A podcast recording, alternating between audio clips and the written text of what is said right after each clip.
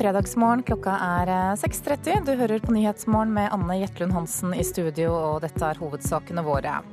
Miljøpartiet De Grønne har stemt ja til fortsatt statsstøtte til kulldrift på Svalbard. Flere skoler sier nei til undervisning om overgrep, og spesialist i sexologisk rådgivning Margrethe Wide Aasland skjønner ikke hvorfor. Nei, jeg, jeg vet ikke om en god unnskyldning. Jeg vet ikke hva de er redde for skal skje. Det skjer ikke mer overgrep at, at barna lærer om det. Og Norge er videre i VM i fotball etter 1-1 mot storfavoritt Tyskland. I natt så ble det avgjort at eh, Stortinget støtter gruveselskapet Store Norske på Svalbard med et kriselån på 500 millioner kroner. Også Miljøpartiet De Grønne stemte for fortsatt statsstøtte til kulldriften. Forutsetningen er planlegging av omstilling av Svalbard-samfunnet og å avklare Store Norskes rolle i en kullfri fremtid på Svalbard. Derfor var det riktig å stemme ja til lånet, sier stortingsrepresentant Rasmus Hansson fordi eh, Miljøpartiet De Grønne lenge har foreslått en planmessig og ryddig avvikling av kullvirksomheten på Svalbard. Miljøpartiet De Grønne stiller til høsten liste ved lokalstyrevalget. Hvor viktig er stemmegivninga di i Stortinget i dag for å få stemmer, tror du? Jeg tror den er viktig, for jeg eh, har tillit til at det er mange mennesker på Svalbard som eh, utmerket godt ser hvor fremtida må ligge, og som syns det er bra at det er et parti på Stortinget som eh, lenge har sagt at nå må vi begynne å tenke framover, og som samtidig selvfølgelig tar ansvar for at ikke et eh, stort og viktig selskap med mange arbeidsplasser bare skal rause over ende i en ukontrollert konkurs. Lokalstyreleder Kristin Kristoffersen i Longyearbyen synes det er svært positivt at Miljøpartiet De Grønne stemmer ja til å gi lån og støtte til Store Norske. Nei, det er jo veldig vanskelig å ikke ta det som en stor anerkjennelse av det, både det perspektivet vi har brakt på banen veldig intensivt som er samfunnsperspektivet, men også at det å, eh, å gi Svalbard denne muligheten er å si ja til framtida. Når, når selv Rasmus Hansson er enig med oss i det, så er jo det fantastisk, tenker jeg. Ja, reporter her, det var Lars Egil Mogård. Issmeltingen i Barentshavet vil føre til flere typer aktivitet i havområdet i løpet av noen tiår. Det sier administrerende direktør Jan Gunnar Winther ved Norsk Polarinstitutt. Det er ikke bare olje- og gassaktiviteten som berøres av at havet varmes opp og at isen smelter, sier han. Klimamodellene viser at vi må påregne å få et isfritt Barentshav både sommer og vinter rundt 2050 pga. klimaendringene. Og, og, Hvis det slår til, så, så vil altså hele det havområdet bli tilgjengelig året rundt. Det får betydning både for fiskeri, maritim virksomhet og reiseliv, sier Winther. Med andre ord vil issmeltinga føre til at det blir lagt til rette for mer aktivitet i Barentshavet, sier han.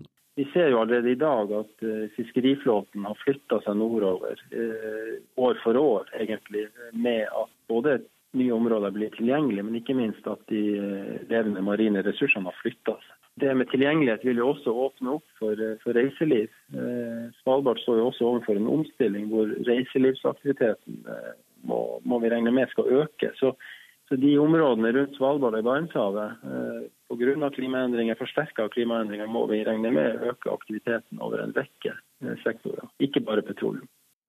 Reporter var Øystein Antonsen. Norsk industri tjener godt på at den norske kronen er kraftig svekket. For Hydro alene gir den sterke dollaren flerfoldige milliarder i ekstra inntekter. Også de som handler i Sverige ser at svekkelsen av kronen faktisk kan være godt nytt for AS Norge. Ja, det er jo Personlig så kunne jeg jo sett at han styrket seg, men det er vel kanskje bra for landet at han ikke gjør det så mye for mye. Konkurranseevnen. Det er jo dollaren som teller til syvende og sist for eh, norsk industri. Verdien eh, på den. Norske bedrifter handler jo ofte med dollar, en del euro selvfølgelig òg, men dollaren er vel den viktigste. Sier nordmenn NRK treffer på Svinesund. Og nye analyser fra Hydro viser at de handlende treffer spikeren på hodet. Ja, og spesielt opp mot eh, dollar. Vi har jo beregninger som eh, viser at dersom alt annet holdes likt og dollaren går 10 eh, opp, så vil det gi et positivt bidrag til våre resultater på over 3 milliarder kroner på årsbasis. Sier Halvor Molland, informasjonsdirektør i Hydro. Selskapet selger aluminium i amerikansk valuta. At dollaren har blitt 30% mer verdt mot kronen det siste året, betyr dermed enormt for regnskapet. Og som NRK fortalte i går, venter flere eksperter at dollaren skal bli enda sterkere senere i år. Hvis den skulle slå til, så vil det da gjøre at uh, våre resultater i norske kroner vil, vil, uh, vil styrke seg. Det betyr også at Hydro får en kraftig drahjelp i kampen mot flere amerikanske konkurrenter. Det gjelder også mange andre norske eksportbedrifter. Ja da, det er jo et konkurransefortrinn. Sier valutastrateg Nils Christian Knutsen i Handelsbanken. Samtidig så, som jeg pleier også å si, man har det til låns. Vi vet at det er store eh, svingninger i valutamarkedet, og også uforutsette svingninger. Og allerede torsdag neste uke kan denne mannen Og velkommen fra meg også skape nye valutarystelser. De fleste venter at Øystein Olsen starter sin rentetale nøyaktig slik han gjorde i desember. Norges Banks hovedstyre har besluttet å sette styringsrenten ned. Men hva sentralbanksjefen så sier om nye rentekutt, kan føre kronen ut i en berg-og-dal-bane. Sjeføkonom Jan Andreassen i Eika-gruppen minner om at industrien trenger den svake krona også i fortsettelsen nå som særlig oljebransjen er i nedgang. Det er veldig viktig da at sentralbanken kommer tilbake på sporet de hadde i desember, da, og sier at krona må svekkes og må holde seg svak hvis vi skal håpe om å få en nødvendig omstilling i norsk økonomi. Men enn så lenge er utsiktene altså gode, også for norske ansatte i Hydro. Alt som styrker vår konkurranseevne over tid, eh, bidrar til å, til å styrke arbeidsplasser og å styrke Hydro. Reporter her, det var Sindre Heierdal. Norske myndigheter er for trege til å utbetale penger til nødhjelp i forbindelse med naturkatastrofer. Det mener organisasjonen Caritas. Og nødhjelpskoordinator i Caritas, Jan Egil Mosan, god morgen. God morgen. Hva er det dere er så misfornøyde med? Det er viktig at vi klarer å nå ut eh, med hjelpen raskt. Og det er viktig at vi klarer å bruke det nettverket som vi har ute i felt, som skal hjelpe folk, og få dem til å jobbe mest mulig effektivt.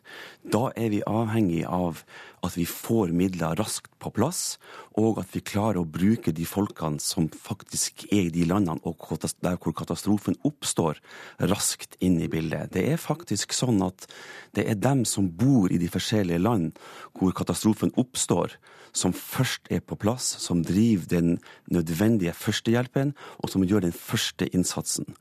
Vi fra Caritas vi er klar til å komme ut, og vi er raskt på plass igjen. Men da må jeg vite og ha en forutsigbarhet om at de lovnadene som kommer fra norske myndigheter, også raskt blir betalt ut, og at det er raskt tilgjengelig. Ja, hvordan er situasjonen i dag for dere? Det tar for lang tid eh, fra en katastrofe oppstår til at vi har pengene på plass til vi virkelig kan eh, få brukt dem. Det vil si at vi må ofte forskuttere en del av de midlene eh, som skal brukes. Og da krever det både å ha penger på bok, og det krever at man også er i stand til å, å, å, å bruke de midlene raskt. Det som ofte skjer, det er at, eller løsninga på det, det er jo at vi må styrke den lokale beredskapen raskt nok, og bygge opp lokale lokal kapasitet bedre, samtidig som vi må effektivisere vårt system. Men norske myndigheter sier at noen organisasjoner får utbetalt penger raskere enn andre fordi det er organisasjoner som myndighetene kjenner og samarbeider tett med. Og vi skal høre kommunikasjonsrådgiver Astrid Sehl i Utenriksdepartementet. Allerede samme dag som jordskjelvet skjedde, så ga Utenriksdepartementet beskjed til erfarne hjelpeorganisasjoner på bakken i Nepal om at vi ville støtte nødhjelpsinnsatsen. Og Så langt så har vi gitt 130 millioner kroner i nødhjelp til landet, og det aller meste av disse pengene er allerede utbetalt. Og Så tok det noe ekstra tid med utbetalingen til Caritas Norge. og Det er fordi at vi bl.a. syns at en for stor andel av pengene som de ba om, skulle gå til administrasjon i Oslo. Men det etterlyses en større økonomisk forutsigbarhet fra norske myndigheter. Er det noe som dere kan se på? Utenriksdepartementet og Norad har rammeavtaler med store samarbeidspartnere, hjelpeorganisasjoner. Og det på tre forskjellig varighet fra mellom ett til tre år. og Det gjør at man også kan planlegge innsatsen mer langsiktig. Ja, Mosan, Det er vel ikke unaturlig at myndighetene må undersøke nærmere og vite mer om hva pengene skal brukes til, f.eks. For i forbindelse med jordskjelvet i Nepal, som vi hørte om her, før de utbetaler penger? Nei, og det er helt riktig. Og vi har alle sammen samme mål. Vi skal jo ha en mest mulig effektiv eh, hjelp, og det er om å gjøre å få den raskt nok frem. Det som er problematisk, det er det at når man på forhånd har noen få organisasjoner som mottar mesteparten av hjelpen, og eh, vi trenger faktisk mer bredde i, den, en, i en mer helhetlig hjelp, så må vi ha eh, både avtaler på plass, og vi må vite mer på plass hvordan kan vi gjøre systemet effektivt, hvordan kan vi få ut midlene raskere, og hvordan kan vi ha gode ordninger for å få en bedre nødhjelp. Til syvende og sist så ønsker vi å komme raskt ut, være på plass og hjelpe. Og det systemet må vi sammen med myndigheter både forbedre og utvikle videre. Vi sender kanskje for ofte ut mye utstyr fra Norge. Vi er for fokusert på hva som skal sendes fra Norge, istedenfor å bygge lokal kapasitet og faktisk jobbe med de partnere som er ute. Men Betyr det at det er for mange organisasjoner, rett og slett, ifølge deg? da? Nei, det er mange som bidrar. Den største forskjellen er at eh, vi som har partnere lokalt, og vi som har et nettverk lokalt, eh, vi er ofte der før katastrofen kommer. Vi kan styrke dem når katastrofen inntreffer. Og det er dem vi må bygge på, og dem kan vi samordne og koordinere. Litt av utfordringa er alle de mindre organisasjonene som ikke har et nettverk på plass. Der kan det ofte bli et større behov for koordinering og samordning. Men Ehm, det at man får en mer bredde i organisasjonene, og at alle er med på å hjelpe til, eh, det er egentlig positivt. Men vi må ha klarere forutsigbarhet, vi må ha avtaler på plass, og vi må gjøre dette her bedre. Ja, for Hva kan organisasjonene selv gjøre for å for å, for å bidra da, til at utbetalingene skjer raskere? Ja, Vi hører jo ofte fra norske myndigheter at um, de har ikke kapasitet, eh, ofte ikke til å svare, ikke til å eh, gi respons. Vi må ha en tettere kommunikasjon. Vi kan påta oss å være med å forvalte mye mer av de midlene som gis, sånn at det skal gå raskere. Eh, vi mener jo at alt behøver ikke å ligge i et departement. Vi, kan, vi som humanitære organisasjoner kan sette opp en mekanisme og faktisk hjelpe norske myndigheter både med å forvalte og gjøre det mer effektivt. Jan Egil Mosan, takk for at du kom hit til Nyhetsmorgen. Da skal vi se hva avisene har på forsidene sine i dag. 2000 må gå i Statoil, skriver Dagens Næringsliv. Dermed er den største kuttrunden noensinne i selskapet en realitet, ifølge avisen. Men Statoil selv vil ikke kommentere opplysningene. Aftenposten skriver om en klesgigant som tok med 160 bloggere på gratis luksustur til Ibiza. Slik greide de å markedsføre seg overfor to millioner ungdommer. Dagsavisen skriver at forsvarsministeren trosset forsvarssjefens råd om ikke å sende norske spesialstyrker til Irak. I et brev til departementet skriver forsvarssjefen at det ikke kan gis garantier mot at man lærer opp irakisk personell som senere kan bruke tilført kompetanse til uakseptable overgrep i Irak eller andre steder. Men forsvarsministeren fastholder at de har fulgt fagmilitære råd fra forsvarssjefen. Folk i små kommuner er mer fornøyd med velferden enn de som bor i store kommuner, skriver Klassekampen. Ifølge innbyggerundersøkelsen er det særlig eldreomsorg og barnehager folk er fornøyd med i de små kommunene. VG skriver om den 17 år gamle jenta som er meldt savnet i Sverige. Det er nå gått fem døgn siden noen så Lisa Holm, og store styrker leter etter henne. Én av ti vil fjerne konsesjonsloven, det skriver Nasjonen. Skognæringen er den ivrigste tilhengeren av å fjerne loven, slik regjeringen foreslår, mens 90% er imot forslaget, ifølge avisen. Bergens Tidende skriver at de store konsernene på Vestlandet for det meste ledes av middelaldrende menn, men konserndirektør Ragnhild Janbu Fresvik i Sparebanken Vest er et av unntakene. Hun fikk tilbud om jobben da hun var i permisjon med en tre uker gammel baby. Den nordnorske artisten Bjørn Jens Christiansen snakker om sitt alkoholmisbruk i Nordlys i dag. Han har ruset seg i 17 år og pleide å starte dagen med 12 øl. De siste månedene har han vært på avvenning, og om to uker skrives han ut fra klinikken. Mens Dagbladet forteller om norske pensjonisters skatteparadis. Dette må du gjøre, så mye kan du spare, er oppfordringen. Skal vi ha sport. Maren Mjelde snudde en marerittomgang til et norsk poeng da Norge spilte uavgjort 1-1 mot Tyskland i fotball-VM i natt. Limt i kryssa er en utslitt fotballklisjé, men det var nettopp det Norges utligning på frispark var.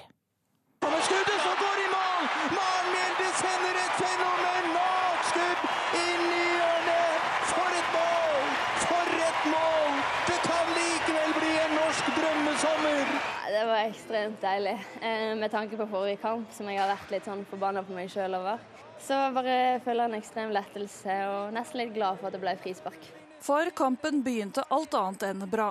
Den tyske skåringen var Anja Mittag kom etter bare seks minutter, og de norske jentene ble statister uten ball i nesten én omgang.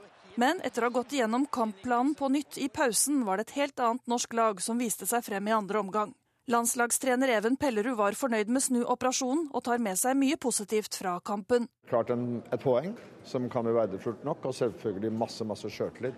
Både for de som er veteraner og de som er unge, som i dag fikk spilletid. Og også de som er på benk vil vokse på det her. Med poenget er Norge i praksis klar for åttedelsfinale allerede før den siste gruppekampen mot Elfenbenskysten mandag. Flere av de tyske spillerne mener Norge nå er en av gullkandidatene i mesterskapet. Noe veteran Solveig Gulbrandsen, som spilte en god andreomgang i går, setter pris på å høre. Det er jo veldig hyggelig. Det tar jeg virkelig med meg videre. For det er, eh, det er jo veldig positivt at de syns det er så ekkelt å spille mot oss. Så det er jo bra. Jeg tror det var mye av taktikken nå som gjør at vi snur. Det er mye enklere å komme inn på i andre omgang hvor ting er, er eh, satt på en helt annen måte. Så, men det var deilig å få komme i gang og, og se litt hvor nivået er hen. Det er eh, tøft på toppen, men eh, det, jeg kommer meg sakte, men sikkert og begynner å kjenne litt på det, så det er bra. Reporter var Hilde Liengen. Du hører på Nyhetsmorgen nå. Klokka er 6.47, og dette er hovedsakene våre. Miljøpartiet De Grønne har stemt ja til fortsatt statsstøtte til kulldrift på Svalbard. Norsk industri tjener godt på at den norske kronen er kraftig svekket. Og norske myndigheter er for trege til å utbetale penger til nødhjelp i forbindelse med naturkatastrofer. Det mener organisasjonen Caritas. I Alta har to skoler takket nei til undervisning om overgrep. Spesialist i sexologisk rådgivning Margrethe Wide Aasland mener dette er en farlig vei å gå. Hun sier at barn som blir utsatt for overgrep og som aldri har fått vite noe om seksualitet og overgrep, har større risiko for å bli værende i en overgrepssituasjon. Det er viktig at de lærer om seksuelle overgrep, for det er mange barn som blir utsatt for seksuelle overgrep. Og de som blir utsatt for seksuelle overgrep når de er barn, så har de kanskje aldri hørt om det. Ikke lært om det noen steder.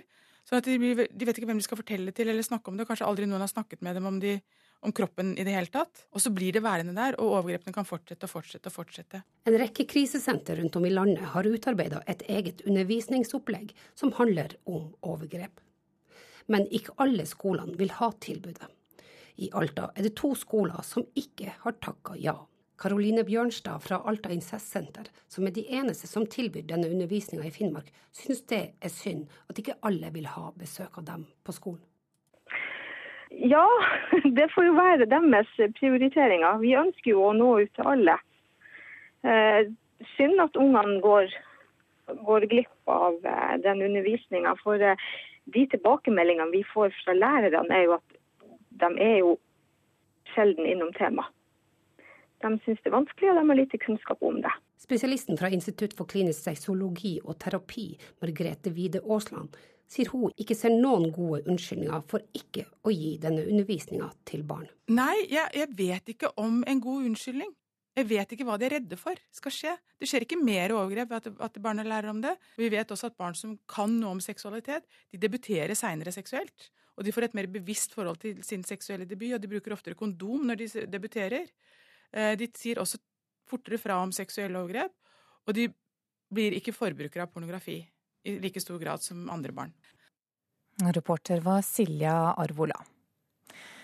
Kritikken har haglet etter at Politiets sikkerhetstjeneste beslagla upublisert materiale hos filmskaper Ulriks, Ulrik Imtias Rolfsen. Nå krever Produsentforeningen en grundig forklaring i et brev de har sendt til justisministeren.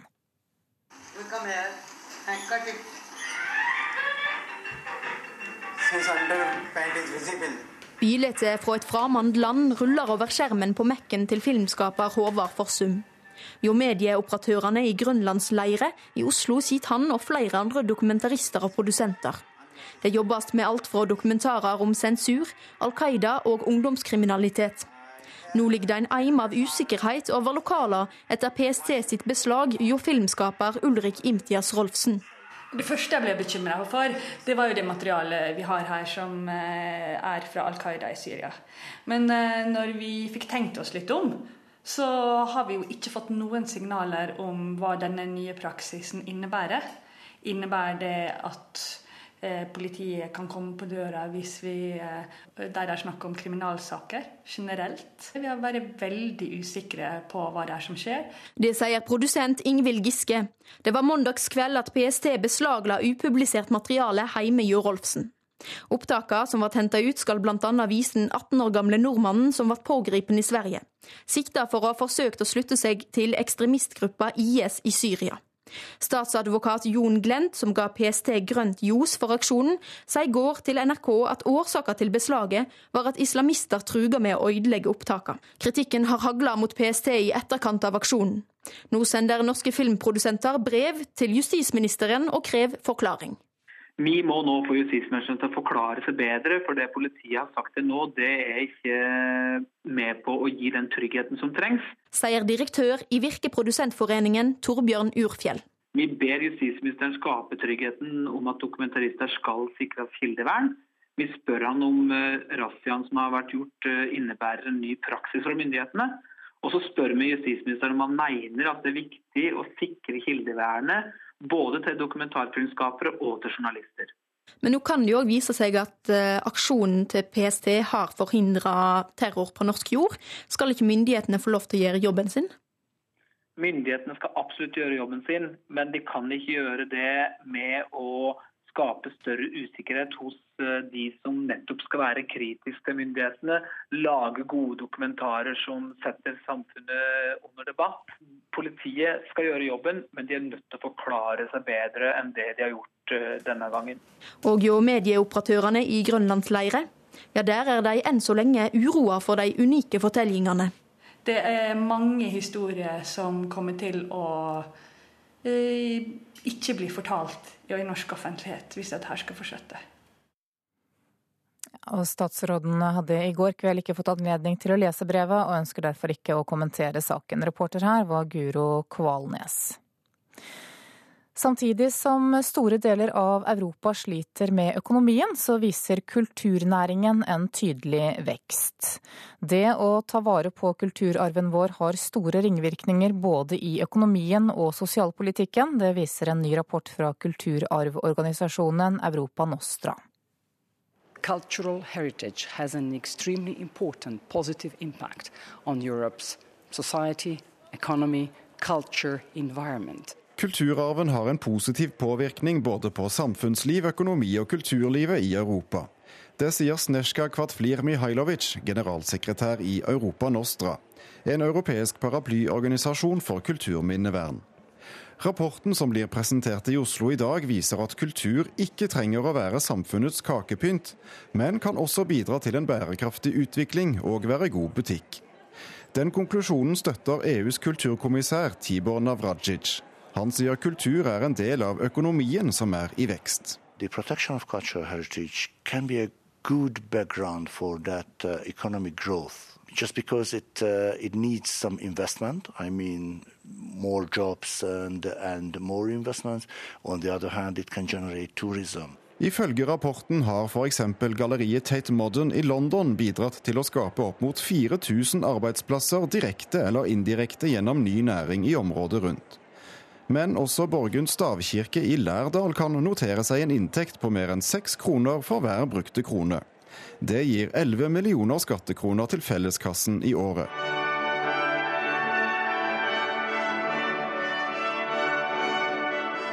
Europa Nostra inviterte i går kveld til høytidelig prisutdeling i Oslo rådhus.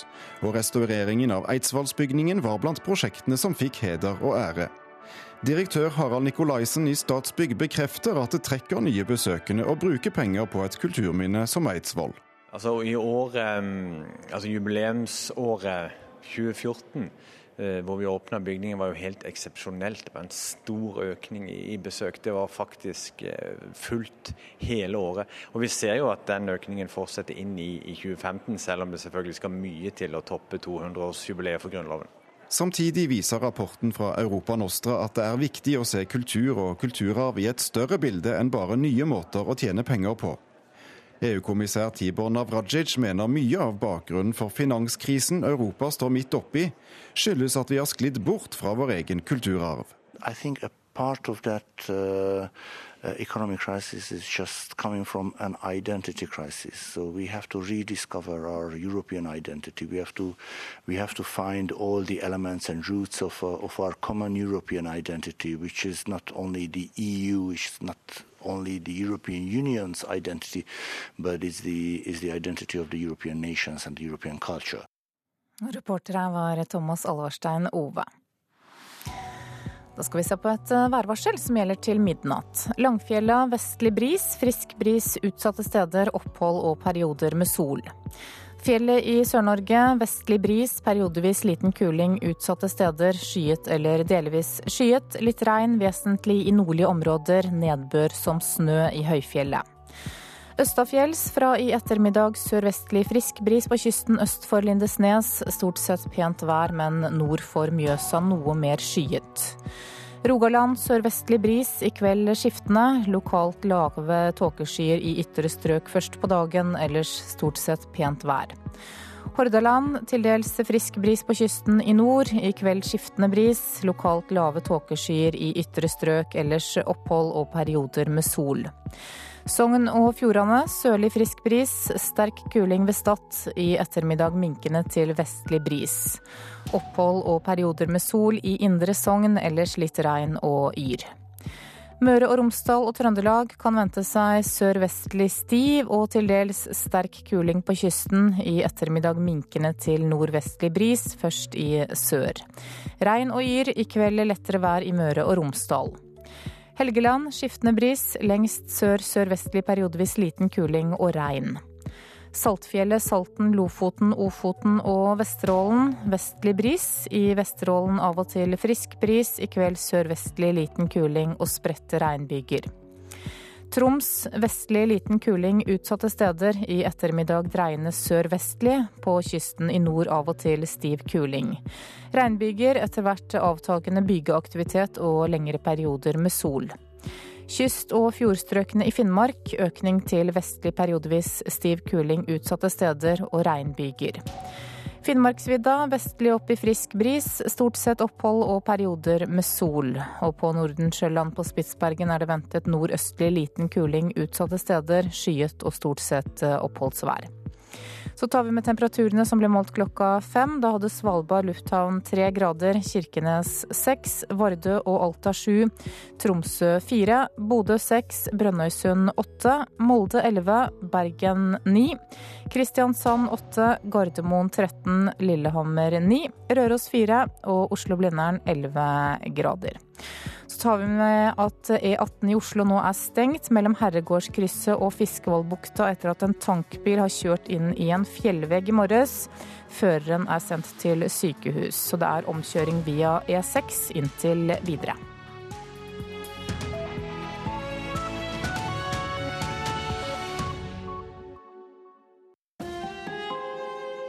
Hør ekko. I Europas mest korrupte land, Ukraina, må du regne med å betale ekstra, under bordet, for nesten alt, for å få plass til barnet ditt på skolen eller for en legetime. I mange land er bestikkelser det normale. Og hvordan skal norsk næringsliv i utlandet holde sin sti ren når de risikerer straff for å være mot korrupsjon? Ekko 9 11 i NRK P2.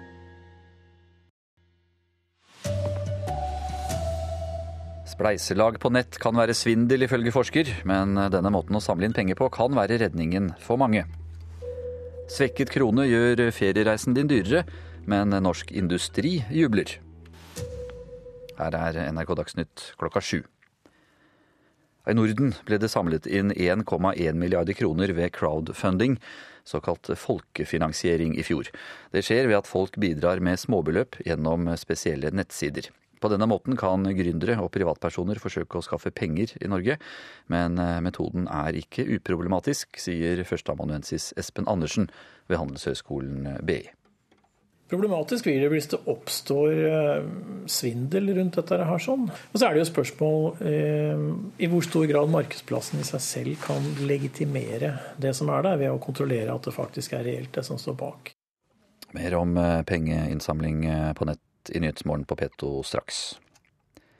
En mann fra Hedmark er tiltalt for voldtekt og svært grove seksuelle overgrep mot sin egen sønn og kameraten hans. Sønnen var under ti år da overgrepene skal ha startet. Rettssaken går i Sør-Østerdal tingrett i løpet av høsten.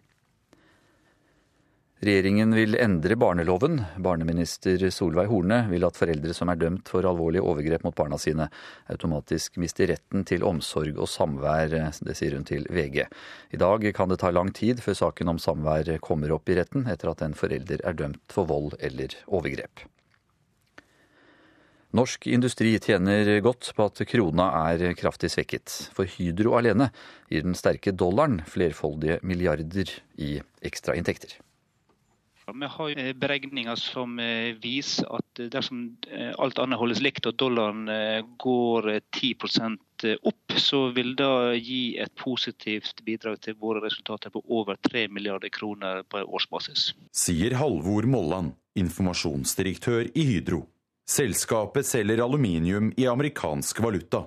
At dollaren har blitt 30% mer verdt mot kronen det siste året, betyr dermed enormt for regnskapet. Og som NRK fortalte i går, venter flere eksperter at dollaren skal bli enda sterkere senere i år. Reporter Sindre Heierdal. Statoil skal kutte antallet ansatte igjen. Nye 1500 ansatte og 500 innleide mister jobben, skriver Dagens Næringsliv. Nedbemanningen er ennå ikke offentliggjort, men de ansatte blir varslet i løpet av kort tid, ifølge avisa. Og Norge spilte uavgjort 1-1 mot storfavoritt Tyskland i fotball-VM i Canada i natt. Dermed er Norge så godt som klar for sluttspillet. NRK Dagsnytt, Anders Borgen Werring.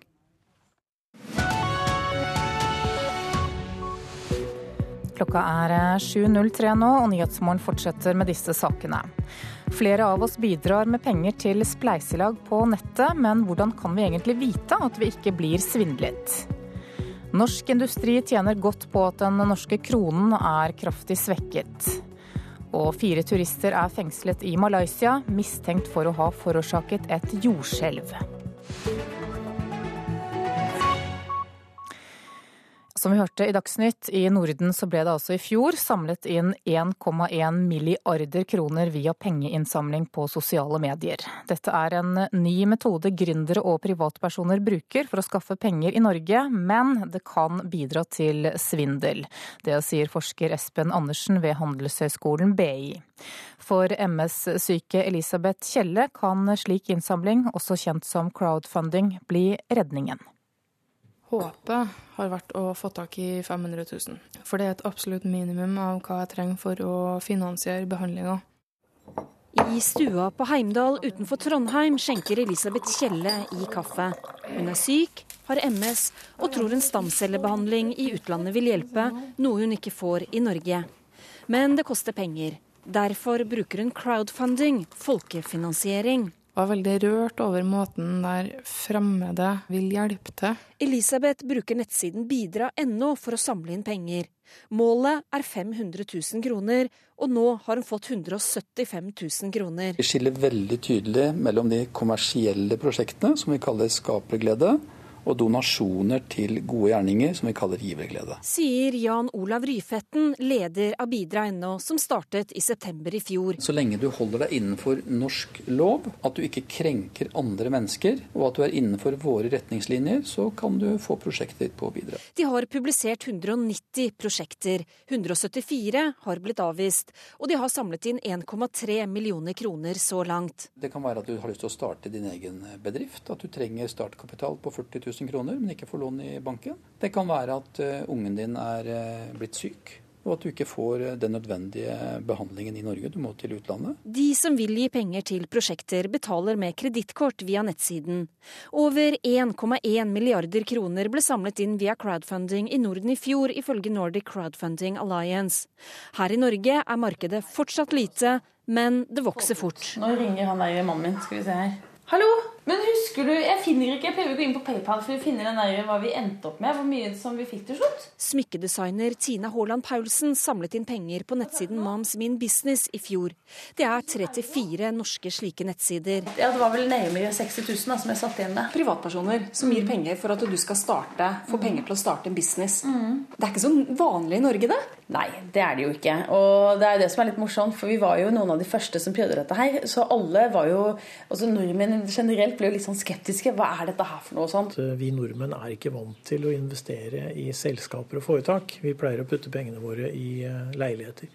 Sier førsteamanuensis ved Handelshøyskolen BI, Espen Andersen. Problematisk blir det hvis det oppstår eh, svindel rundt dette. her sånn. Det finnes en hel del selskaper som driver veldedige som er, er svindelforetak eh, i dag, uten noen sånne markedsplasser. Og så er det jo spørsmål eh, i hvor stor grad markedsplassen i seg selv kan legitimere det som er der, ved å kontrollere at det faktisk er reelt, det som står bak. Eller garantere på en annen måte. Er det en form for tigging? Nei, det vil jeg absolutt ikke si. Dette her har noe med gründervirksomheten å støtte opp under folk som har lyst til å prøve noe nytt, noe annerledes. Og også kunne ha en liten startkapital til å komme seg videre. Reporter var Ellen Omland. Statssekretær i Finansdepartementet Jon Gunnar Pedersen fra Høyre, god morgen. God morgen, god morgen. Du, hvordan ser norske myndigheter på dette med crowdfunding, altså folkefinansiering?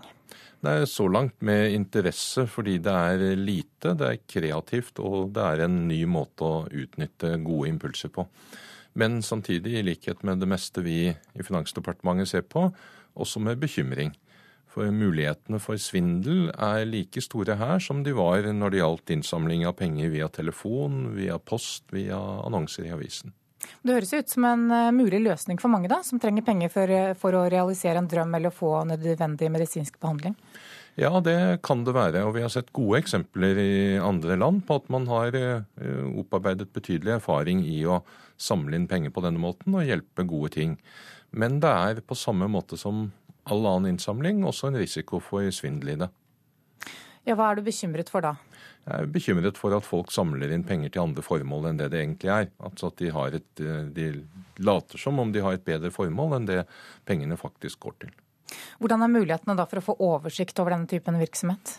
Nei, Så langt så er de små, og det ligger i nettets natur at det er så enormt at mulighetene for å samle inn penger, enten fra norske nettsteder eller utenlandske nettsteder, den er veldig stor. Det er i prinsippet ikke veldig annerledes enn å kontakte noen per telefon eller brev heller. De telefonene og de brevene kan komme hvor som helst fra. Derfor er det nødvendig å samarbeide internasjonalt om hvordan du håndterer noe av dette. Men Hvordan følger dere med på det? Vi har kontakt med de andre finanstilsynene i Norden fra Finansdepartementets side, og forbrukermyndighetene som ligger under andre departementer, har kontakt med sine kolleger i andre land. Vi har nylig hatt kontakt med tilsynsmyndighetene i Danmark. Fortsatt så er det slik at selv om summen i alle landene begynner å bli et betydelig beløp, så er det nokså små innslag i, i disse, disse andre landene. Vi samarbeider også med europeiske myndigheter og et europeisk tilsynsorgan som kalles ESMA, som har ansvaret for innsamling av penger til kommersielle formål, altså når man reiser penger til investeringer i bedrifter. De er også opptatt av dette. Og det pågår et samarbeid der for å sikre at folk kan få den informasjonen de har krav på. Men Er det sånn at dere er bekymret for svindel, eller har dere sett flere eksempler på det? Det er nok begge deler. Vi er alltid bekymret, men sjelden urolig. Fordi eh, hvis man blir oppmerksom på ting i tide, så kan man regulere mot det. Eh, svindel på dette området rammes jo av de generelle lovreglene som gjelder svindel. Hvis noen samler inn penger på en hvilken som helst måte til et formål som, eh, som er illegitimt, eller som de er noe annet enn det de utgjør seg for, så er det svindel, og det rammes av generelle lovbestemmelser. Ja, Men hvem har da ansvaret for å sjekke at de som ber om penger, faktisk skal bruke pengene til det de sier, da?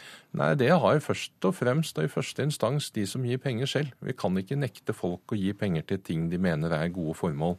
Men det er når svindelen blir systematisert og i stor omfang at vi er nødt til å gripe inn med reguleringer.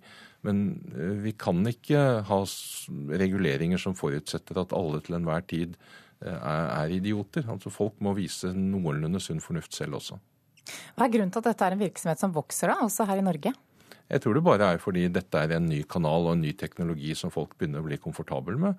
Folk har vært eh, mange skeptiske til å overføre penger over nettet. Den terskelen har falt veldig mye.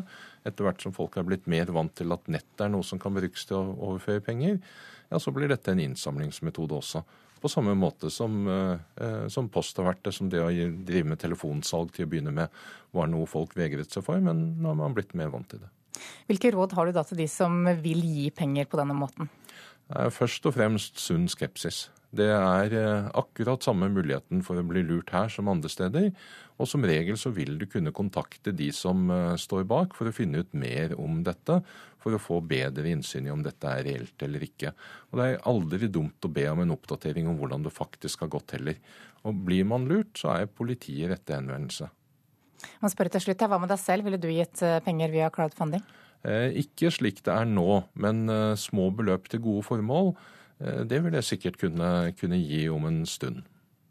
Jon Gunnar Pedersen fra Høyre, takk for at du kom hit til Nyhetsmorgen. Da skal vi høre at eh, norsk industri tjener godt på at den norske kronen er kraftig svekket. For Hydro alene gir den sterke dollaren flerfoldige milliarder i ekstra inntekter. Også de som handler i Sverige ser at svekkelsen av kronen faktisk kan være godt nytt for AS Norge. Ja, det er jo Personlig så kunne jeg jo sett at han styrket seg, men det er vel kanskje bra for landet at han ikke gjør det så for mye. For konkurranseevnen. Det er jo dollaren som teller til syvende og sist for eh, norsk industri. Sier nordmenn NRK treffer på Svinesund.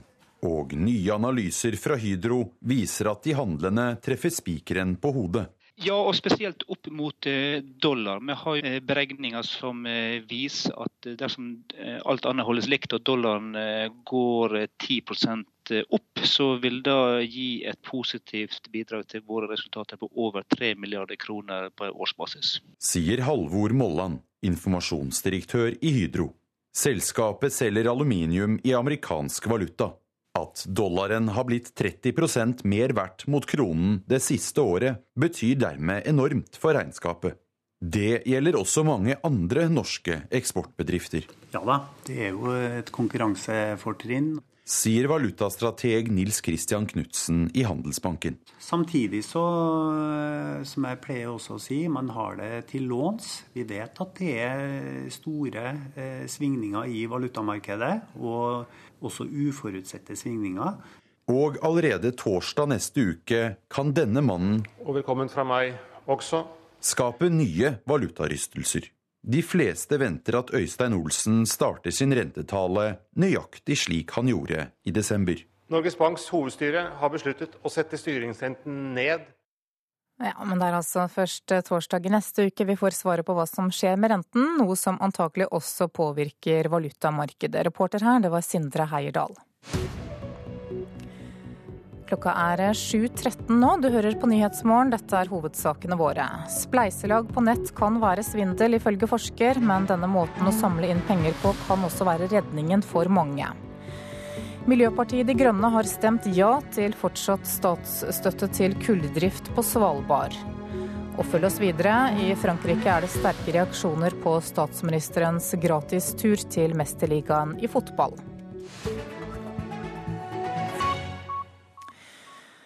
Utlendinger får skylden for et jordskjelv i Malaysia som tok livet av 16 mennesker. Fire turister er nå satt i arrest, mistenkt for å ha forårsaket dette jordskjelvet. Og de kan også bli stilt for retten. Asia-korrespondent Peter Svår, hva slags sak er dette egentlig? Ja, Dette er en sak om en uh, gruppe med europeiske turister som gjorde noe dumt og respektløst, men også en sak om overtro. Uh, ti turister fra Canada, Nederland og Storbritannia brøt med guidene og resten av turgruppen mens de gikk fottur i nasjonalparken rundt Kinabalu-fjellet i Malaysia for uh, to uker siden. De tok av seg alle klærne og poserte på nakenbilder foran dette fjellet, som ble lagt ut i sosiale medier. De overhørte alle protester fra guidene som var med. Og Bare noen dager senere ble fjellet rammet av et ganske kraftig jordskjelv, der 18 mennesker mistet livet. og Nå antyder myndighetene i provinsen at det er turistenes atferd som eh, ligger bak eh, jordskjelvet. Ja, hva gjør at dette stuntet får så stor oppmerksomhet? Ja, det spektakulære er jo hvordan både va mange vanlige malaysiere og malaysiske myndigheter mener at uh, handlingene til disse vestlige turistene har uh, en direkte sammenheng med skjelvet. Visedelstatsminister i Saba, Josef Pairin, sier at det at jordskjelvet skjedde, var en bekreftelse på lokalbefolkningens overbevisning. At dette er et hellig fjell, og det kan man ikke ta lett på. Han sier at det nesten helt sikkert er en sammenheng mellom nakenstuntet og jordskjelvet. Nå skal eh, disse turistene stilles for retten og i det minste kastes ut av Saba med beskjed om at de aldri får komme tilbake. Seks av dem skal ha forlatt Malaysia. Det er bare eh, fire av dem som eh, er funnet av politiet. Men Malaysias turistminister varsler at myndighetene nå planlegger et rituale i fjellet for å blidgjøre fjellets ånder så fort som mulig. Og disse fire vil nå bli stilt for retten for usømmelig oppførsel, og de risikerer flere måneder i fengsel. For enkelte så høres dette kanskje litt absurd ut. Hvorfor, eller hvor ofte dukker slike saker opp? Overtro er jo svært utbredt eh, i eh, store deler av Asia, hvor sjefer for multinasjonale selskaper kan treffe investeringsbeslutninger for eh, milliarder av kroner etter å ha fått råd fra en spåmann, eller hele kontorer med hundrevis av ansatte blir flyttet fordi man ikke greier å kvitte seg med onde ånder. Men det er jo ganske sjeldent at slike overbevisninger havner i rettssystemet, slik denne saken har gjort. og Det er jo det som også gjør den eh, så spektakulær. Takk skal du ha, Asia-korrespondent Peter Svaar.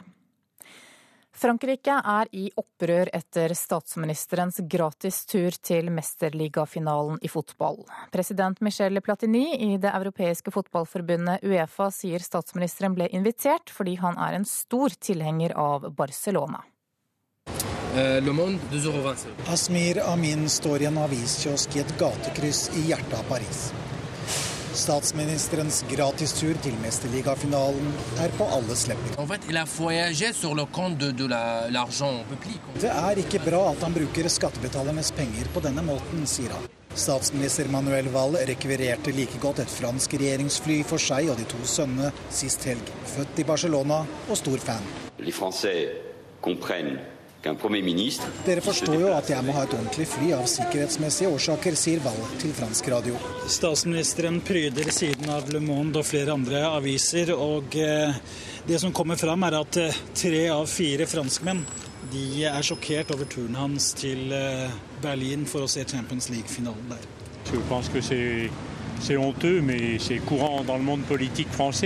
Typisk franske politikere. Demokratiet fungerer ikke, sier han. Il, il fait comme tous les autres ministres ont toujours fait, et puis euh, voilà. Det er slik ministrene holder på, men de hadde nok ikke sluppet unna med dette hadde det vært i Skandinavia, sier en annen. Det som gjør historien ekstra pikant, er at Uefa-president Michel Platini inviterte statsministeren personlig. Du du.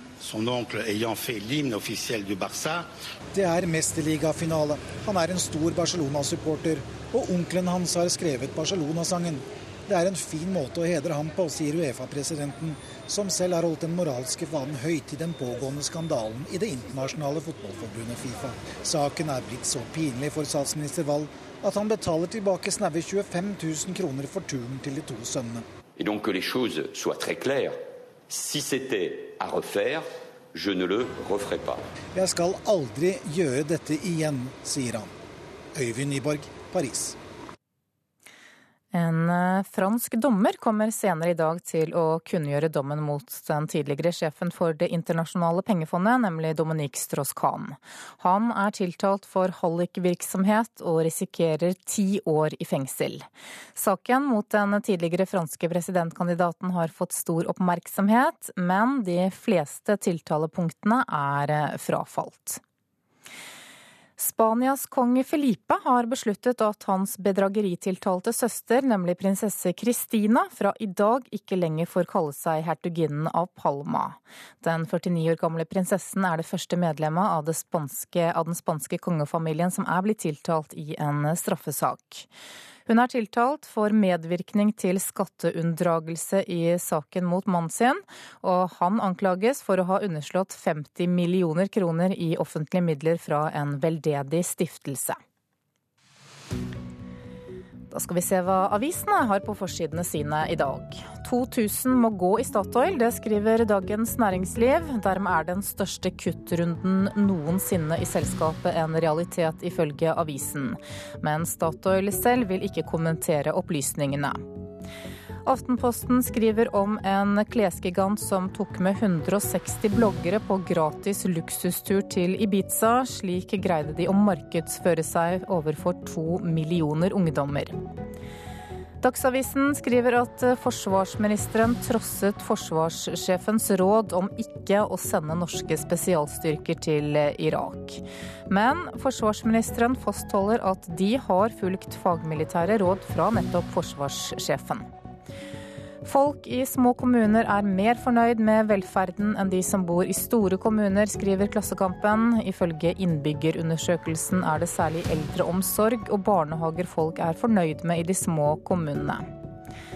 VG forteller om 17 år gamle Lisa Holm som er meldt savnet i Sverige. Det er nå gått fem døgn siden noen så 17-åringen, og store styrker leter etter henne. Én av ti vil fjerne konsesjonsloven, forteller Nasjonen. Skognæringen er den ivrigste tilhengeren av å fjerne loven, slik regjeringen foreslår, men 90% er imot forslaget, ifølge avisen. Bergens Tidende skriver at de store konsernene på Vestlandet for det meste ledes av middelaldrende menn. Men konserndirektør Ragnhild Janbu Fresvik i Sparebanken Vest er et av unntakene. Hun ble nemlig tilbudt jobben da hun var i permisjon med en tre uker gammel baby. Den nordnorske artisten Bjørn Jens Christiansen snakker om sitt alkoholmisbruk i Nordlys i dag. Han har ruset seg i 17 år og pleide å starte dagen med tolv øl. De siste månedene har han vært på avvenning, og om to uker skrives han ut fra klinikken. Mens Dagbladet forteller om norske pensjonisters skatteparadis. Dette må du gjøre, så mye kan du spare, er oppfordringen. Nå skal vi høre om overlege Ronny Dalane og prosjektleder for ambulante tjenester ved sykehuset i Telemark, nemlig Torunn Haugstøl, som hver dag reiser rundt i fylket for å følge opp mennesker i livets siste fase. Sammen med fastleger reiser de til pasienter som ønsker å være hjemme lengst mulig. Målet er å sørge for at pasientene får like god smertelindring hjemme som på sykehuset.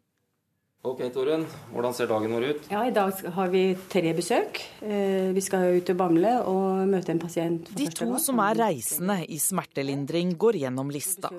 På de travleste dagene kan de rekke innom seks pasienter. Andre dager reiser de langt fra hovedkontoret på sykehuset i Skien.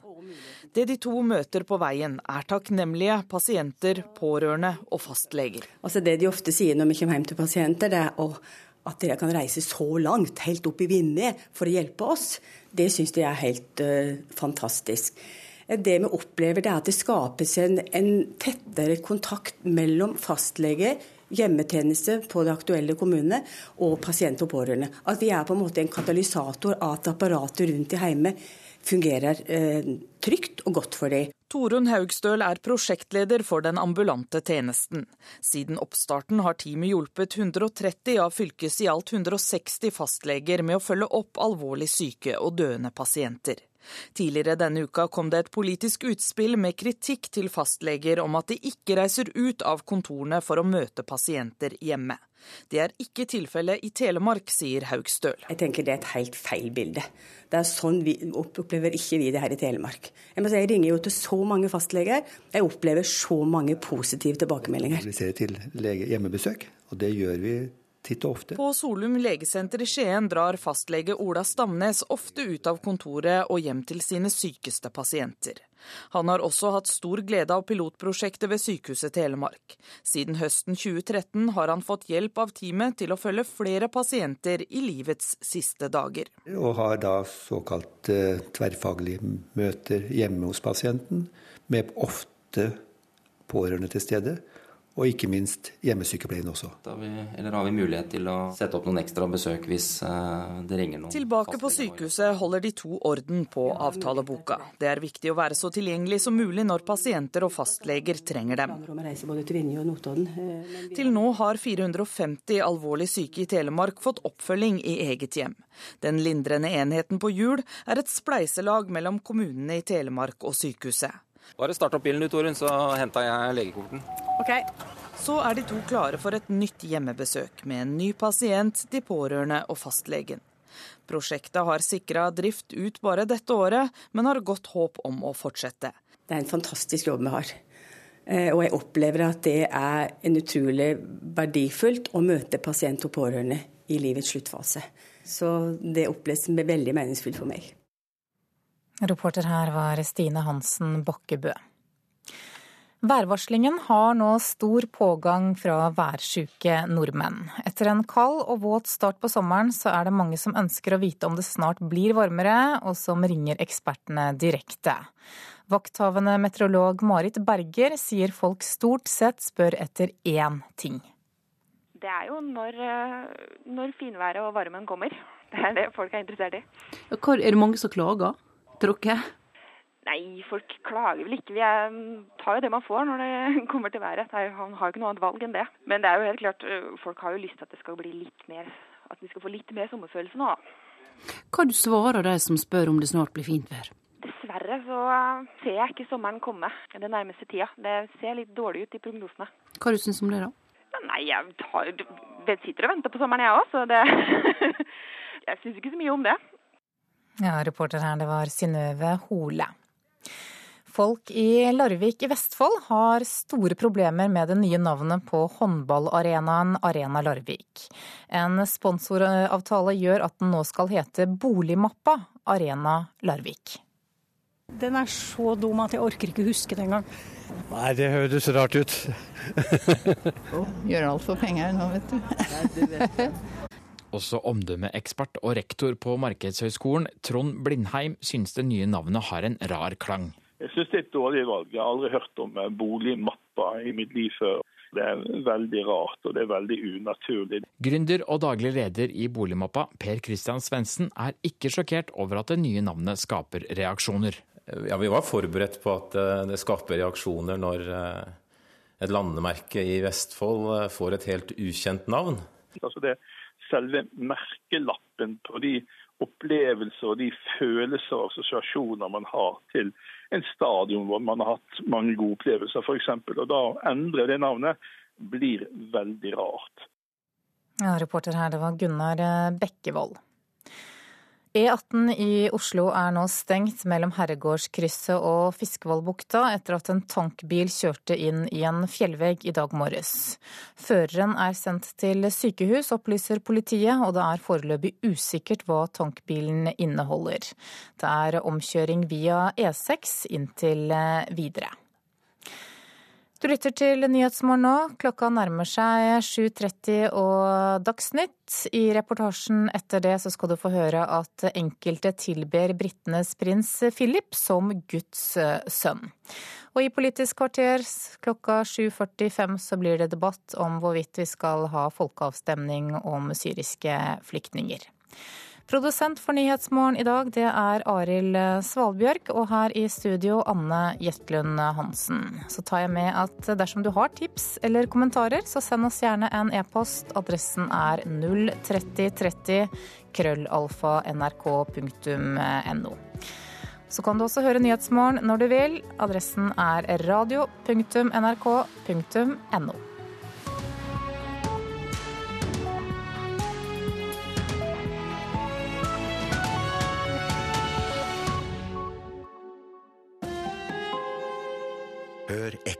I Europas mest korrupte land, Ukraina, må du regne med å betale ekstra. Under bordet. For nesten alt. For å få plass til barnet ditt på skolen eller for en legetime.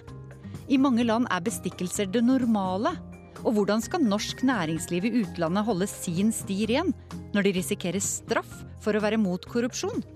Hør Ekko rett etter Dagsnytt. Ekko 9 til 11 i NRK P2.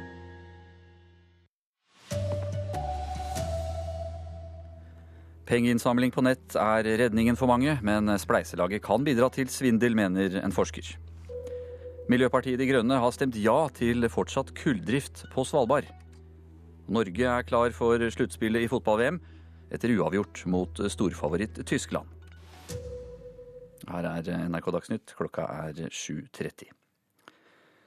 I Norden så ble det samlet inn 1,1 milliarder kroner ved crowdfunding, såkalt folkefinansiering, i fjor. En ny metode for gründere og privatpersoner til å skaffe penger, men som kan bidra til svindel, ifølge en BI-forsker. MS-syke Elisabeth Kjelle mener imidlertid denne typen spleiselag kan være redningen for henne. Håpet har vært å få tak i 500 000. I stua på Heimdal utenfor Trondheim skjenker Elisabeth Kjelle i kaffe. Hun er syk, har MS og tror en stamcellebehandling i utlandet vil hjelpe, noe hun ikke får i Norge. Men det koster penger. Derfor bruker hun crowdfunding, folkefinansiering. Jeg var veldig rørt over måten der fremmede vil hjelpe til. Elisabeth bruker nettsiden bidra.no for å samle inn penger, og nå har hun fått 175 000 kroner. Vi skiller veldig tydelig mellom de kommersielle prosjektene, som vi kaller skaperglede, og donasjoner til gode gjerninger, som vi kaller giverglede sier Jan Olav Ryfetten, leder av Bidra.no, som startet i september i fjor. Så lenge du holder deg innenfor norsk lov, at du ikke krenker andre mennesker, og at du er innenfor våre retningslinjer, så kan du få prosjektet ditt på bidra. De som vil gi penger til prosjekter, betaler med kredittkort via nettsiden. Over 1,1 milliarder kroner ble samlet inn via crowdfunding i Norden i fjor, ifølge Nordic Crowdfunding Alliance. Her i Norge er markedet fortsatt lite, men det vokser fort. Nå ringer han der mannen min. Skal vi se her. Hallo! Jeg prøver å gå inn på PayPal for å finne den der, hva vi endte opp med. Smykkedesigner Tina Haaland Paulsen samlet inn penger på nettsiden Moms Min Business i fjor. Det er tre til fire norske slike nettsider. Ja, Det var vel nærmere 60 000 da, som jeg satt igjen med. Det var jo noen av de første som prøvde dette her. Så alle var jo altså Nordmenn generelt ble jo litt sånn skeptiske. Hva er dette her for noe sånt? Vi nordmenn er ikke vant til å investere i selskaper og foretak. Vi pleier å putte pengene våre i eh, leiligheter. Sier førsteamanuensis ved Handelshøyskolen BI, Espen Andersen. Problematisk blir det hvis det oppstår eh, svindel rundt dette her. sånn. Og så er det jo spørsmål eh, i hvor stor grad markedsplassen i seg selv kan legitimere det som er der, ved å kontrollere at det faktisk er reelt, det som står bak. Reporter her, det var Ellen Omland. Statssekretær i Finansdepartementet Jon Gunnar Pedersen fra Høyre er bekymret for at folk kan bli svindlet ved å bruke crowdfunding. Han ber folk om å være varsomme. Jeg er bekymret for at folk samler inn penger til andre formål enn det det egentlig er. Altså at de later som om de har et bedre formål enn det pengene faktisk går til. Hvordan er mulighetene da for å få oversikt over denne typen virksomhet? Nei, Så langt så er de små, og det ligger i nettets natur at det er så enormt at mulighetene for å samle inn penger, enten fra norske nettsteder eller utenlandske nettsteder, den er eh, veldig stor. Eh, det er i prinsippet ikke veldig annerledes enn å kontakte noen per telefon eller brev heller. Derfor er det nødvendig å samarbeide internasjonalt om hvordan du håndterer noe av dette. Statssekretær Jon Gunnar Pedersen ble intervjuet av kollega Anne Jetlund Hansen. Statoil skal eh, kutte antall ansatte igjen. Nye 1500 ansatte og 500 innleide mister jobben, skriver Dagens Næringsliv. Dermed er den største kuttrunden noensinne i selskapet en realitet. Nedbemanningen er ennå ikke offentliggjort, men de ansatte blir varslet i løpet av kort tid, ifølge avisa. Norsk eh, industri tjener godt på at krona er kraftig svekket. For Hydro alene så gir den sterke dollaren flerfoldige milliarder i ekstrainntekter. Vi har eh, beregninger som eh, viser at dersom alt annet holdes likt og dollaren går 10% opp, så vil det gi et positivt bidrag til våre resultater på over 3 milliarder kroner på årsbasis. Sier Halvor Molland, informasjonsdirektør i Hydro. Selskapet selger aluminium i amerikansk valuta. At dollaren har blitt 30% mer verdt mot kronen det siste året, betyr dermed enormt for regnskapet. Og som NRK fortalte i går, venter flere eksperter at dollaren skal bli enda sterkere senere i år. Reporter Sindre Heierdal. I natt så stemte Stortinget over om de skulle gi et kriselån til kullselskapet Store Norske på Svalbard. Miljøpartiet De Grønne stemte for forslaget, mens SV stemte mot. Leder i eh, Naturvernforbundet, Lars Haltbrekken, eh, mener eh, Miljøpartiets stemmegiving var pussig.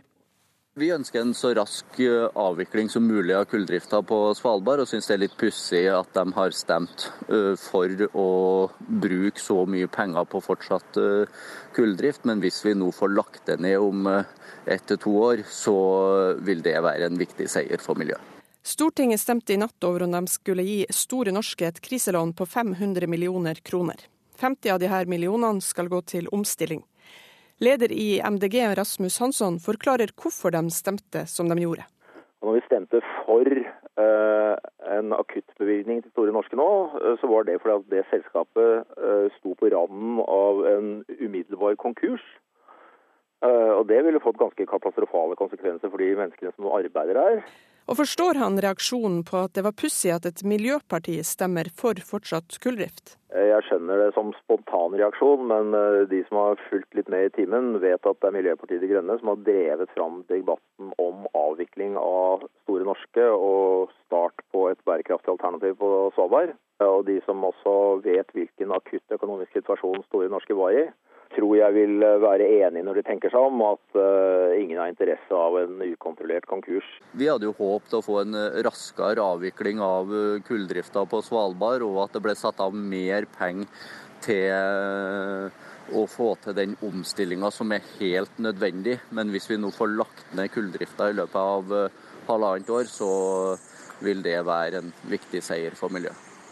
Reporter Eva Marie Bulai. Ungdomsorganisasjoner krever at voksne politikere gjør mer for å hindre kroppspress blant unge.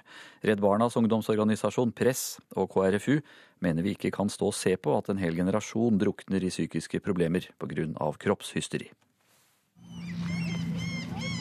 Bade- og sommersesongen er i gang på stranda på Huk i Oslo. Men for flere ungdom her er det ikke bare lett å skulle vise seg frem i badetøyet. Det blir jo veldig stor fokus på å holde seg sunn og holde seg slank og holde seg i form. Um, jeg begynner kanskje å bli litt um, usikker på, på, på, seg selv hvis du ikke passer inn. NRK har de siste dagene fortalt om skjønnhetspress blant unge. At én av tre ønsker å forandre på utseendet sitt.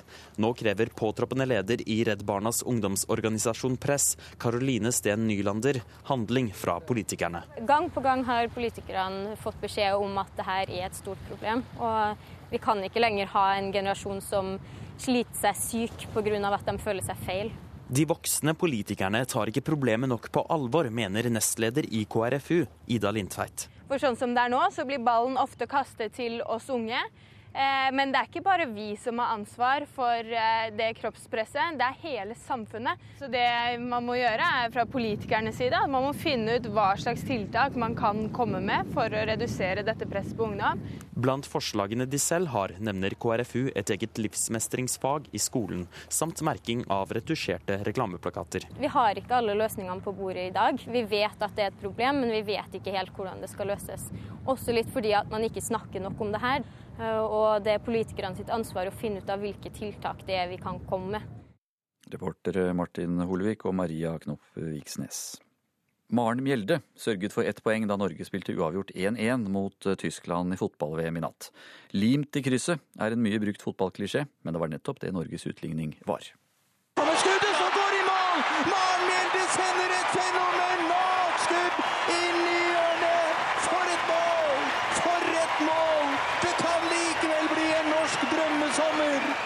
Ekstremt deilig, eh, med tanke på forrige kamp, som jeg har vært litt sånn forbanna på meg sjøl over. Så bare føler en ekstrem lettelse og nesten litt glad for at det ble frispark. For kampen begynte alt annet enn bra. Den tyske skåringen ved Anja Mittag kom etter bare seks minutter, og de norske jentene ble statister uten ball i nesten én omgang. Men etter å ha gått igjennom kampplanen på nytt i pausen, var det et helt annet norsk lag som viste seg frem i andre omgang. Landslagstrener Even Pellerud var fornøyd med snuoperasjonen, og tar med seg mye positivt fra kampen. Klart en, et poeng som kan bli verdifullt nok, og selvfølgelig masse masse sjøltillit. Både for de som er veteraner og de som er unge, som i dag fikk spilletid. Og også de som er på benk vil vokse på det her. Reporter eh, Hilde Liengen. Ansvarlig for eh, Dagsnytt i dag, Vidar Sem. Det tekniske ansvaret har Guri Hertzberg Christensen. Jeg heter eh, Anders Borgen Werring.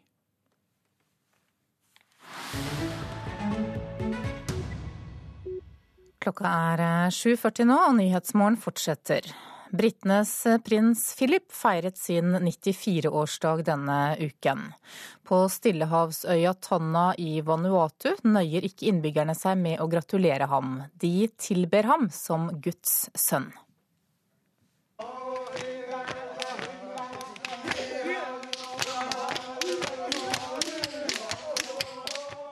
Små og store deltar i dansen. De er nakne, bortsett fra at de bærer et lite klede rundt livet. Dansen er en del av et ritual her på øya Tana, som tilhører øystaten Vanuatu.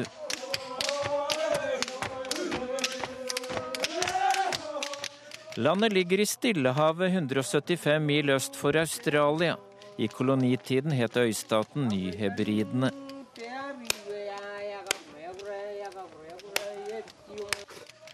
En mann hogger hull i en kokosnøtt med en machete. Folk i denne delen av landet er medlemmer i en kultbevegelse som tilber prins Philip, ektemannen til britiske dronning Elisabeth. De som bor her ønsker at omverdenen ikke ler av dem, men at deres spesielle kultur, tro og ritualer skal bli tatt på alvor.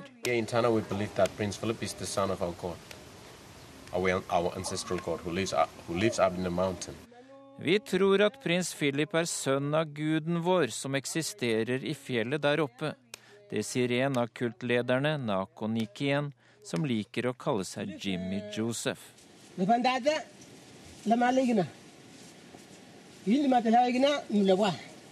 Bak trærne der kan vi skimte vårt åndelige fjell, sier kultmedlemmet Albi Naja. Ifølge legenden så reiste sønnen til fjellguden deres ut i verden for hundrevis av år siden. Han skulle ende opp i et land langt borte, han kom til å gifte seg med en svært mektig kvinne, og en gang i framtida vil han vende tilbake. Og da prins Philip kom på offisielt besøk til Vanuatu i 1974, ble folket i Tanna overbevist om at den etterlengtede gudens sønn måtte være ham.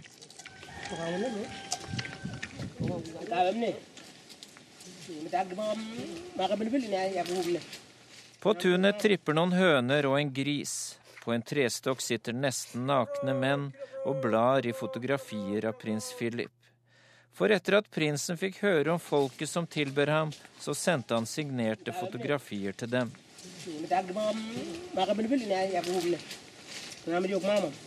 Og i mars 2007 ble fem utvalgte kultmedlemmer invitert til et privatbesøk hos prinsen på Windsor slott i London.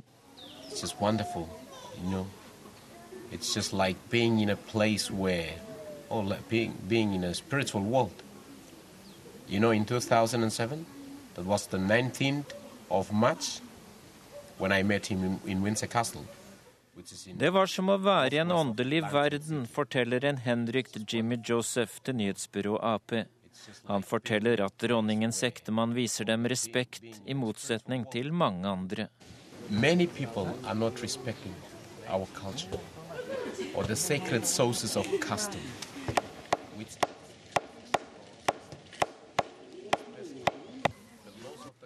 En mann banker i en trestamme som en del av et rituale.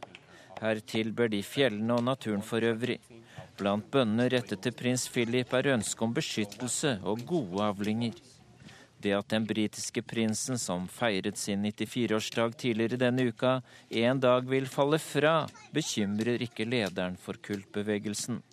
Prinsens ånd vil ikke dø, slår Jimmy Joseph fast. from my opinion, or from my, what we believe, the spirit in Prince Philip won't die.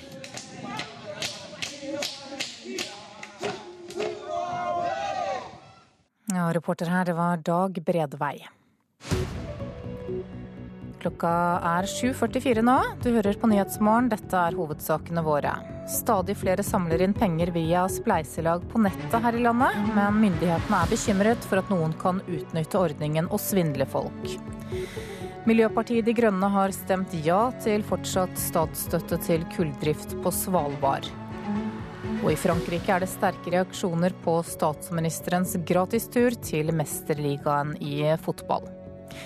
Klokka nærmer seg 7.45 og Politisk kvarter, og programleder i dag det er Bjørn Myklebust.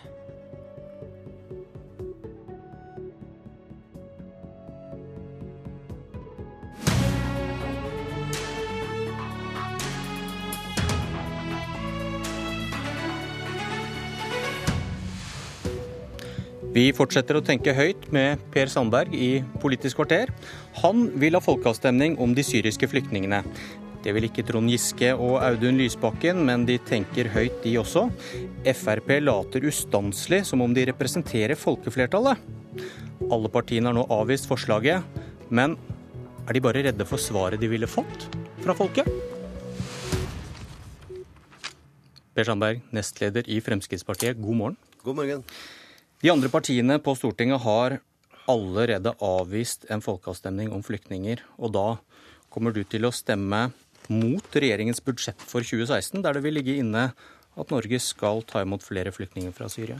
Nå vet vi ikke hvordan budsjettet for 2016 ser ut. Det kommer ikke før 7.-8. oktober, så det vil avvente det da. Men det vi kommer til å stemme imot nå, det er den pakken som eh, eh, forliket eh, har lagt fram.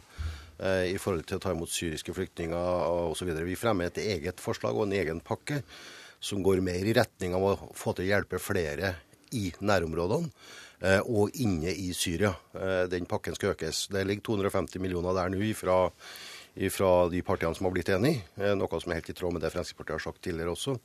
Og vi vil også være med på å gi, yte mer til kommunene for å styrke integreringsarbeid og bostøtte og, og den delen. Når det gjelder budsjett 2016, så kjenner vi ikke til innholdet i hele tatt. Nei, men hvis det da kommer til, som det sannsynligvis gjør, da, ligge inne noen uh, flere flyktninger, kommer du til å stemme for, hvis det blir sånn? Vi avventer oss, og så ser vi på hva budsjettet inneholder. Uh, så langt så er det bare alt ullent i forhold til også den avtalen som er lagt fram på Stortinget.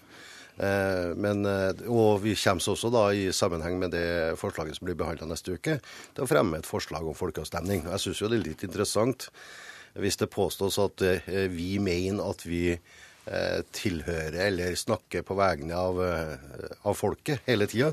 En folkeavstemning ville jo avklart det. da, for Hvis folket hadde støtta denne avtalen som har kommet fram på Stortinget nå, så ville jo Fremskrittspartiet også da fulgt folket i, en, i, en, i en, en sånn avstemning.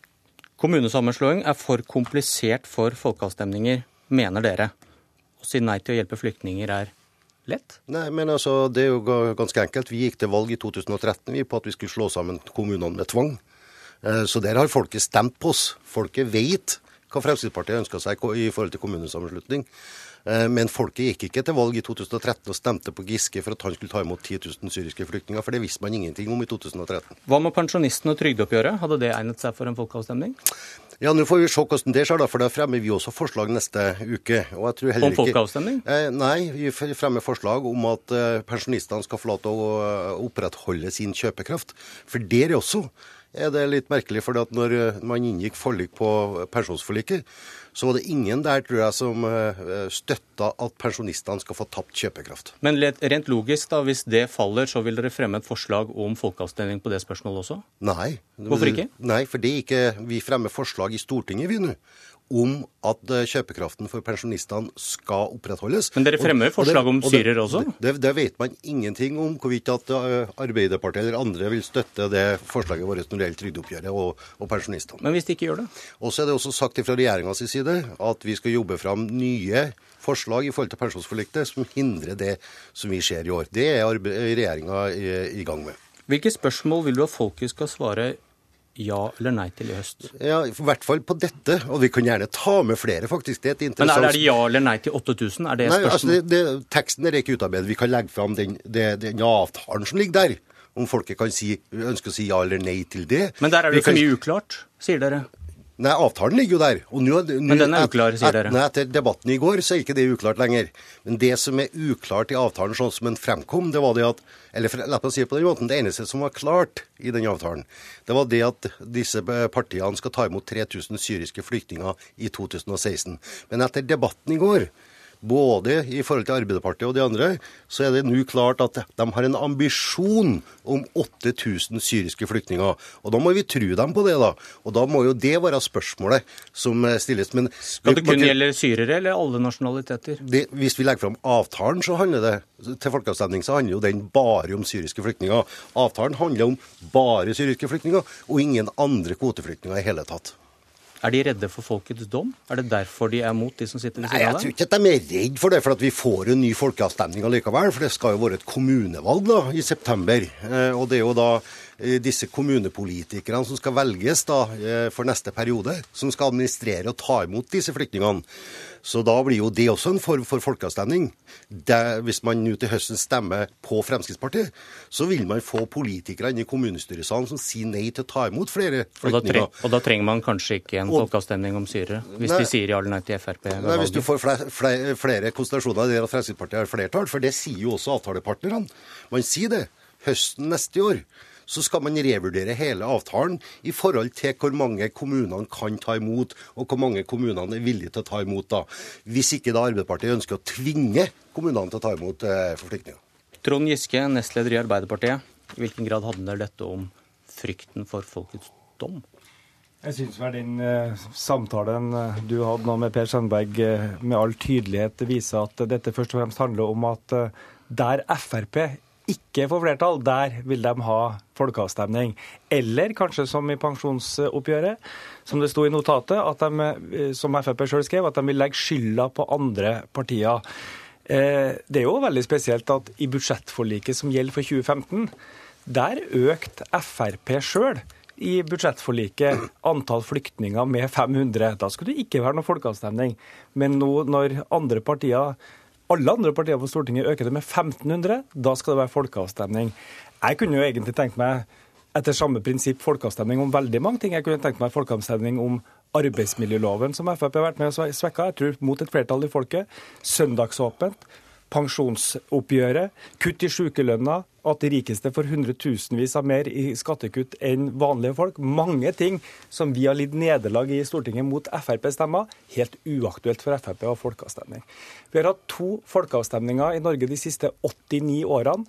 Det var i 1972 for eller mot EF og 1994 for eller mot EU. Det er ikke den styringsformen vi har.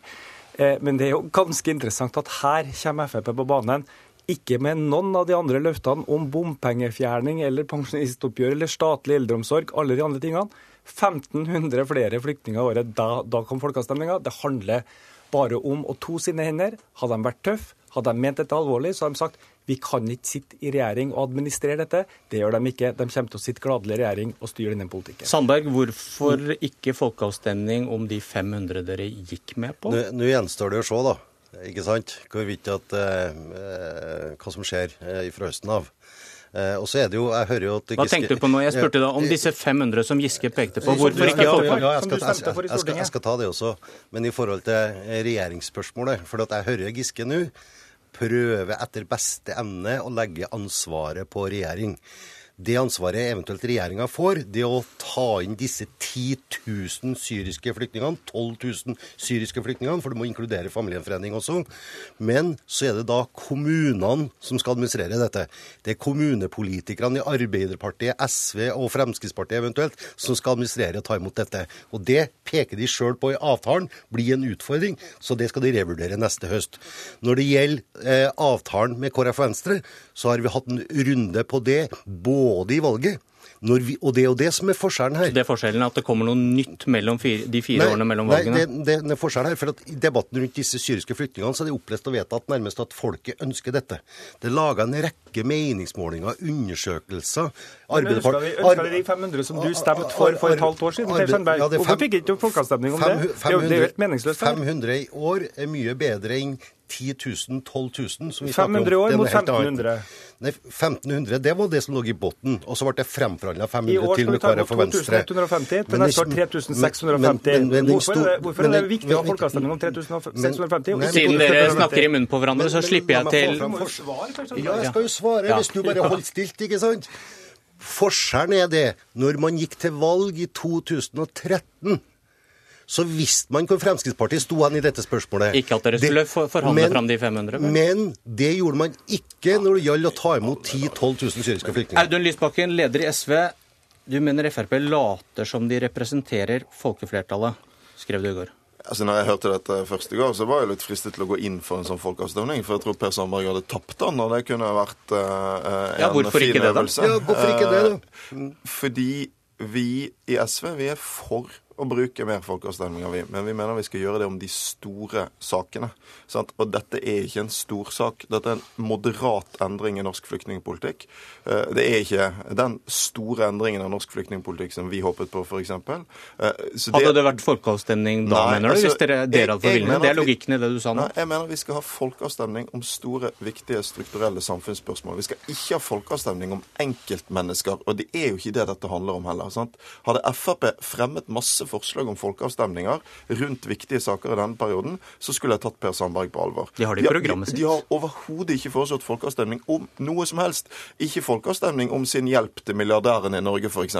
Bare disse nødstedte få menneskene som Norge skal ta imot. Og det er jo ikke, sant? Dette er jo ikke et seriøst forslag, dette er et rop om oppmerksomhet. Og hvis Frp hadde tatt dette på alvor, hvis de virkelig mener at 8000 stakkars flyktninger fra krigen i Syria blir Norges undergang, altså det eneste ærlige å gjøre, ikke det spillet her, men å trekke seg fra regjeringen og si dette kan vi ikke gjøre. Men det vil ikke Frp være med på. Det er akkurat som med pensjonsoppgjøret, der altså Robert Eriksson foreslår at pensjonistene skal bli fattigere i år, og så later Per Sandberg etterpå som Frp er helt uskyldig og skal stemme mot det i Stortinget. Det er bare spill.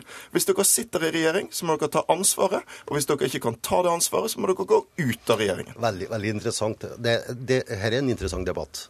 Fordi at når det gjelder pensjonsforliket, så var det altså SV, Arbeiderpartiet og alle de andre som sto bak det. Det er feil, det vet Men, du. men jeg tror heller ikke at, jeg tror ikke at Arbeiderpartiet og SV i pensjonsforliket hadde tenkt at pensjonistene skal få tapt kjøpekraft. Det er det som har endra seg. Så er det sånn at regjeringa må følge opp pensjonsforliket. Det er de forplikta til. Men ikke Det- gå inn i, det gjør- det gjør i den saken det gjør det i dette spørsmålet. Men, men så er det også feil. altså, Når vi fremmer forslag om folkeavstemninger, så har vi gjort det i en rekke kommunestyrer vi, og i fylkesting rundt omkring, men blir nedstemt hele tida. Vi har også blitt utfordra på folkeavstemning i forhold til kommunestruktur, men der er vi klare og tydelige i vårt program.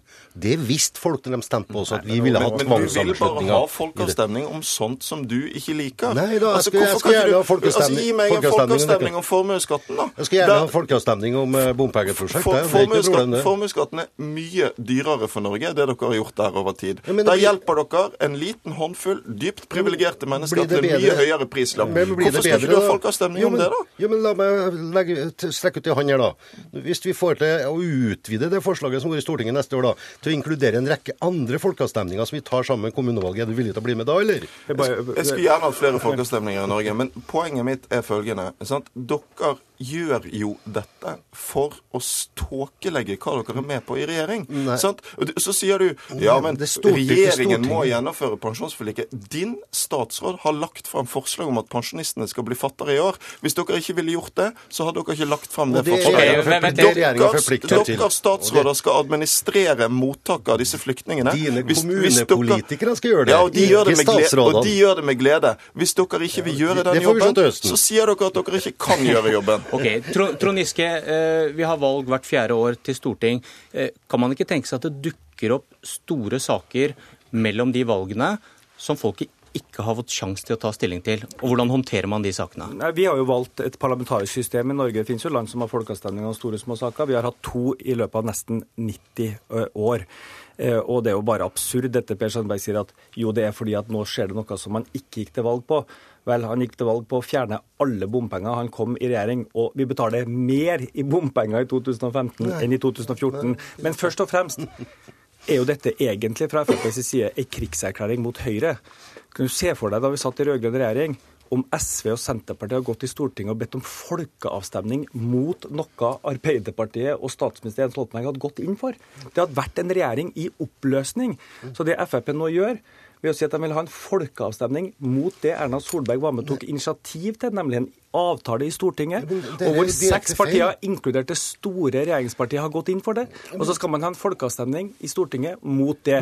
Per Sandberg, mann deg opp, si at dette er du uenig i. Vi kan ikke ha de svarte bilene i regjering. Vi kan ikke administrere en sånn politikk. Det ville vært modig. Nå sier du nei, vi skal administrere den, vi skal gjennomføre den. Solveig Horne skal, uh, skal og, og, og, vi skal ha en folkeavstemning for å to våre hender. Du, du, du sitter i regjering og. Du er jo direkte frekk. Du har jo sjøl vært statsråd. Du har jo sjøl sittet i regjering, du bør jo vite, vite hvordan systemet fungerer. Men jeg har ikke unnskyldt meg med folkeavstemninger hver gang er litt nederlag. Jeg har tatt ansvar og blitt sittende og ført den politikken også når vi har flertall. Mine herrer, vi, vi... Dette er avtalen, og den er tatt i Stortinget. Okay. Det har ingenting med regjeringa å gjøre. Vi har Tiden er ute. Men det er Stortinget, Vi har tenkt høyt, og vi har gjort det i munnen på hverandre. Dette var Politisk kvarter.